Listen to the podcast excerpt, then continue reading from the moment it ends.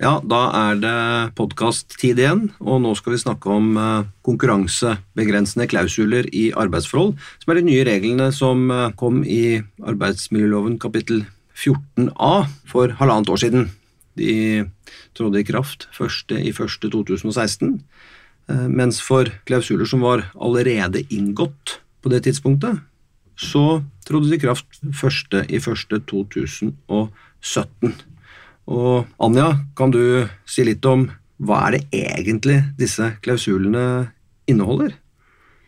Ja, De nye reglene i arbeidsmiljøloven kapittel 14a de regulerer jo da en såkalt konkurranseklausul, en kundeklausul og en rekrutteringsklausul. Og I arbeidsmiljøloven så har vi også fått eh, definisjoner eh, av de ulike begrepene. Så En konkurranseklausul det er definert som en avtale som begrenser arbeidstakers adgang til å tiltre stilling eller starte, drive eller delta i konkurrerende virksomhet etter arbeidsforholdet sitt opphør. En kundeklausul har blitt eh, definert som en avtale som begrenser arbeidstakers adgang til å kontakte arbeidsgivers kunder etter arbeidsforholdets opphør. Og så har vi også fått en rekrutteringsklausul som er definert som avtale mellom virksomheter som begrenser arbeidstakers mulighet til å ta ansettelse i annen virksomhet. Så det de nye reglene ikke regulerer, det er da såkalte rekrutteringsklausuler mellom bedriften og den ansatte som er ansatt hos bedriften. Det er vel også sånn Anne, at uh, Man kan jo tenke seg at en bedrift ikke bare har kunder, men har leverandører og andre typer samarbeidspartnere. Uh, hvordan er det regulert? Det er jo heller ikke regulert i den nye arbeidsmiljøloven, men det vil da omfattes av eh, avtalelovens paragraf 36, som går på det om en avtale er rimelig eller ikke. Og Det samme vil jo også gjelde da en rekrutteringsklausul mellom arbeidsgiver og arbeidstaker. Ja, for når, det var jo slik at Tidligere så var jo hele regelsettet om konkurranseklausuler regulert i avtaleloven paragraf 38. Men den ble jo endret i tråd med de nye reglene her, slik at uh, konkurranseklausuler som ikke gjelder for ansatte, men som gjelder for konsulenter osv., eh, det er jo da regulert av avtaleloven paragraf 38, og ikke av arbeidsmiljølovens regler. Og Det samme vil jo også gjelde da daglig leder, som har fraskrevet seg vernet etter de nye konkurransebegrensende klausulene i arbeidsmiljøloven, som det også er en åpning for. Mm. Hva er formålet da med disse nye reglene, Hans Jørgen? Ja, det kommer litt an på hvilken, hvilket ståsted man har. Altså, for bedriftens vedkommende så er det jo viktig å ha mulighet til å beskytte seg mot konkurranse. Det er jo veldig mange måter en virksomhet kan gjøre det på. Det ene er jo bare å sørge for at ikke forretningssensitiv informasjon spres. Sørge for at uh, taushetsplikt overholdes. Men det kan også være sånn at man har ansatte som er så viktige for virksomheten at virksomheten tenker at hvis en ansatt går over til en direkte konkurrent og starter å arbeide for den, så vil det kunne gjøre betydelig skade for meg. F.eks. en teknisk sjef som har veldig god innsikt i hvordan bedriften jobber. Det kan være en strategidirektør som kjenner strategien til virksomheten. Og Det kan også være en økonomidirektør som har full kontroll på finansene og vet hvor en virksomhet er sårbar. Det kan selvfølgelig også være selgere øh, som har god kontakt med kundene til arbeidsgiver. Og Da er det jo adgang til å avtale konkurransebegrensende klausuler, eh, men motsatsen til dette er jo det frie arbeidslivet, og at ansatte faktisk skal ha mulighet til å bytte jobb, og at eh, det ikke skal ligge for strenge begrensninger på adgangen en ansatt har til å skifte jobb. Hvis vi da skal si litt om sekvensen i hvilke forpliktelser som ligger på en ansatt, så er det jo sånn at så lenge arbeidsforholdet består, så er en ansatt bundet av den alminnelige lojalitetsplikten. Det er jo kort og litt upresist sagt en plikt til å fremme arbeidsgivers interesser, fremfor egne eller andres interesser. Lojalitetsplikten er jo avgrenset uh, kun basert på sedvane og praksis, men lojalitetsplikten er jo strengere enn en konkurranseklausul, for en konkurranseklausul og en kundeklausul er jo positivt avgrenset, sier at dette er de konkrete tingene du ikke kan gjøre, mens lojalitetsplikten er jo negativt avgrenset. Det betyr at man kan ikke gjøre noe som er illojalt mot arbeidsgiver. Etter en liten intro nå, så kan vi jo, Anja, si litt om de nye bestemmelsene. Hvordan, hvordan er egentlig disse? Mm. Ja, litt sånn eh, kort oversikt eh, over de nye reglene, så har jo den blitt da inntatt i arbeidsmiljøloven kapittel 14a. Vi har fått et nytt kapittel. Eh, Det gjelder jo da bare for arbeidstakere. Maksimal lengde på både konkurranse- og kundeklausulen det er jo da tolv måneder, så man kan jo ikke avtale noe utover det. Det vil da være gyldig. Eh, Bruk av både en konkurranse eller en kundeklausul det krever såkalt skriftlig redegjørelse fra arbeidsgiver, som vi kommer litt tilbake til. Og en konkurranseklausul den er jo bare gyldig dersom arbeidsgiver har et særlig behov for vern mot konkurranse når klausulen gjøres gjeldende. Og det som er også et nytt element i dette regelverket, er jo at eh, den ansatte har rett på kompensasjon dersom konkurranseklausulen skal gjøres gjeldende. Tidligere så var det jo ikke noe slikt absolutt krav, men det gjerne, ble gjerne tatt med i vurderingen. Og så er det også slik at En konkurranse eller en kundeklausul den kan jo ikke gjøres gjeldende ved nedbemanning. Men hva er årsaken til det, Anja? Det er jo fordi at da gjør jo ikke hensynene seg bak regelen eh, seg gjeldende i like stor grad. fordi da skyldes jo en oppsigelse det skyldes jo da forhold på arbeidsgivers side, og ikke på arbeidstakers side. Eh, og det vil jo være veldig urimelig hvis man blir nedbemanna, at man også skal pålegges en, eh, et forbud da, mot å ta ansettelse hos en ny arbeidsgiver for en periode etter en slik nedbemanning. Så kan vi si litt om kravene til eh, konkurranseklausuler. Eh, Det var jo en reell innstramming i eh, reglene om konkurranseklausuler, fordi loven sier jo nå at konkurranseklausulen bare kan gjøres gjeldende så langt det er nødvendig for å ivareta arbeidsgivers særlig behov for vern mot konkurranse.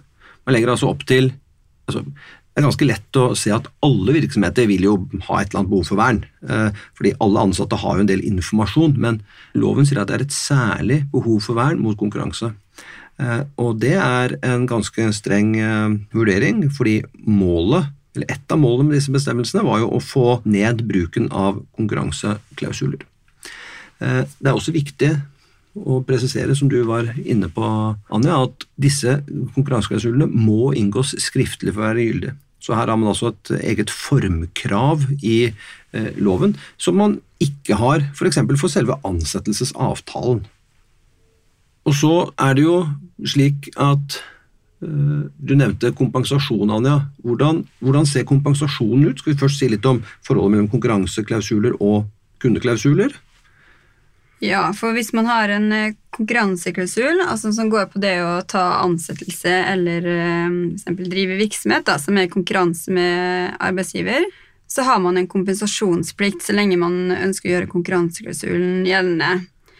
Et slikt kompensasjonskrav gjelder ikke dersom man er bundet av en, nei, en kundeklausul, eh, som innebærer at man ikke kan gå på tidligere kunder av arbeidsgiver.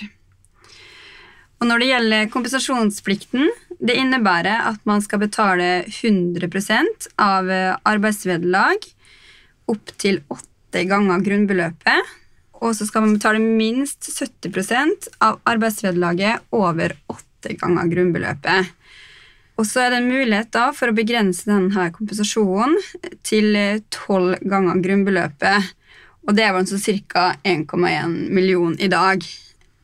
Og med arbeidsvederlag så mener man ikke bare grunnlønn, det inkluderer også da opptjent bonus feriepenger, f.eks., for eksempel, som skal innberegnes i det her eh, kompensasjonselementet. Så er det også adgang til å gjøre fradrag i kompensasjonen, da opptil 50 eh, for annet arbeidsvederlag eller arbeidsinntekt som den ansatt, tidligere ansatte får i konkurranseklausulperioden. Og så legger også da loven opp til at eh, arbeidstaker skal opplyse om annen type arbeidsinntekt i den perioden konkurranseklausulen gjelder. Og hvis det ikke gjøres, så kan eh, arbeidsgiver la være å betale kompensasjon. Så skal vi si litt om disse kundeklausulene eh, før vi snakker om redegjørelsesplikten, som også er en av de helt nye reglene som kom. Når det gjelder kundeklausulen, så er jo det, som vi var inne på, en avtale mellom arbeidsgiver og arbeidstaker som begrenser arbeidstakers adgang til, til å kontakte arbeidsgivers kunder etter arbeidsforholdets opphør. Her har lovgiver eh, i paragraf 14 A4 eh, lagt begrensninger på det også. For det gjelder bare kunder som arbeidstakerne har hatt kontakt med eller ansvar for, hvis man har f.eks. vært en markedssjef eller en salgssjef.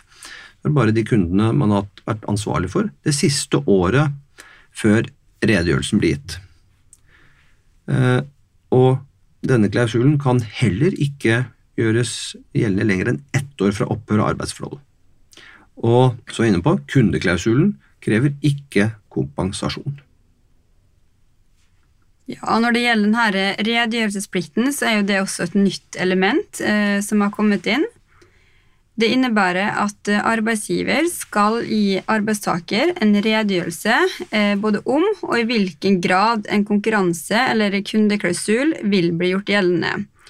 Så Når det gjelder en eh, konkurranseklausul, så må man si noe om eh, hvilket særlig behov eh, arbeidstaker har for en slik konkurranseklausul.